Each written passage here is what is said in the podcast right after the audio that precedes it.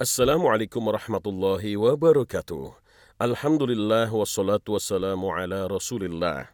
Sahabat khazanah, kali ini kita akan mengulas sebuah sumpah yang dinyatakan Allah subhanahu wa ta'ala dalam surat Al-Adiyat.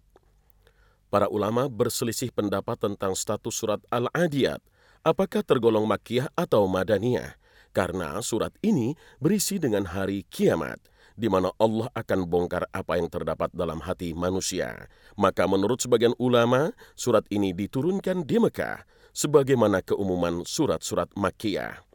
Namun, sebagian ulama lain menyatakan bahwasanya surat ini adalah surat Madaniyah.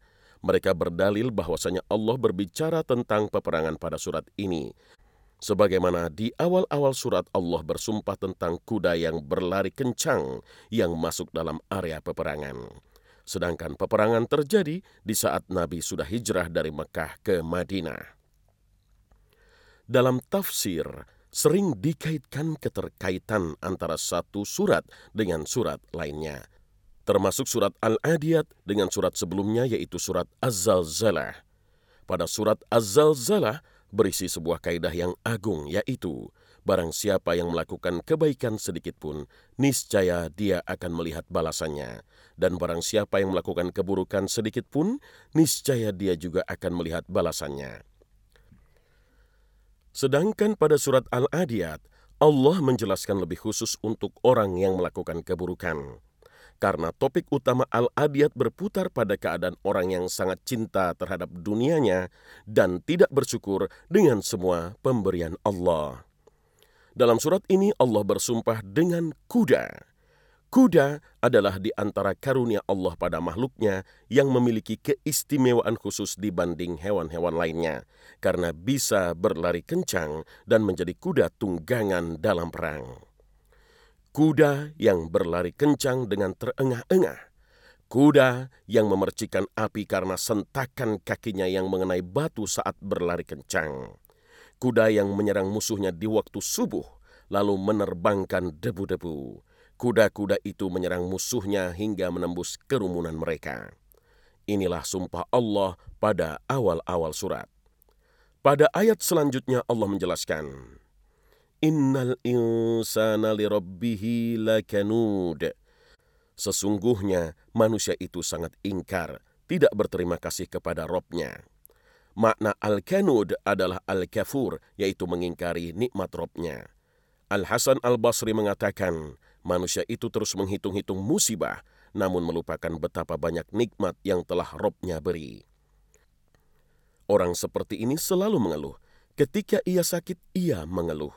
Ketika mengalami kesulitan ekonomi, ia pun mengeluh. Ia lupa betapa lamanya Allah telah memberinya kesehatan dan memberinya kelapangan hidup wa innahu ala dzalika lasyahid dan sesungguhnya manusia itu menyaksikan sendiri keingkarannya. Wa innahu lihubbil khairi lasyadid dan sesungguhnya dia sangat bakhil karena cintanya kepada harta.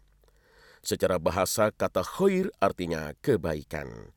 Harta dinamakan kebaikan karena demikianlah keadaan manusia. Mereka menganggap harta adalah kebaikan Padahal hakikatnya harta tidak selalu begitu. Harta bisa jadi keburukan jika harta tidak digunakan untuk bermanfaat dan berjuang di jalan Allah. Sebagian ulama berusaha menjelaskan hubungan sumpah-sumpah tersebut yang menggunakan sifat-sifat kuda dengan sifat-sifat manusia yang ingkar. Mereka mengatakan bahwa Allah menginginkan agar manusia memperhatikan keadaan kuda yang memiliki sifat taat.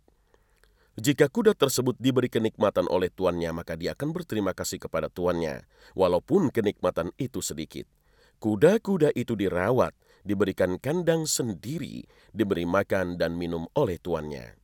Lalu kuda-kuda itu digunakan untuk berperang, masuk ke medan pertempuran. Kuda-kuda itu tak gentar dan tak mengeluh sama sekali, menghadapi mara bahaya demi mengikuti perintah tuannya.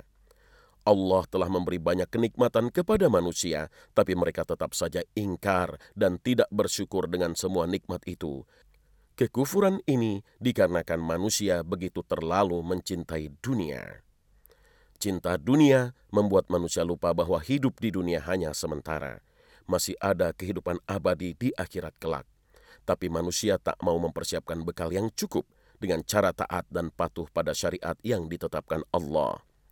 Begitulah tabiat manusia yang diperbudak oleh dunianya. Akhirnya, manusia akan sadar ketika dibukakan oleh Allah semua yang tersembunyi dalam dirinya pada hari kiamat kelak, seperti yang dijelaskan dalam ayat selanjutnya. Insya Allah akan kita kaji pada episode berikutnya.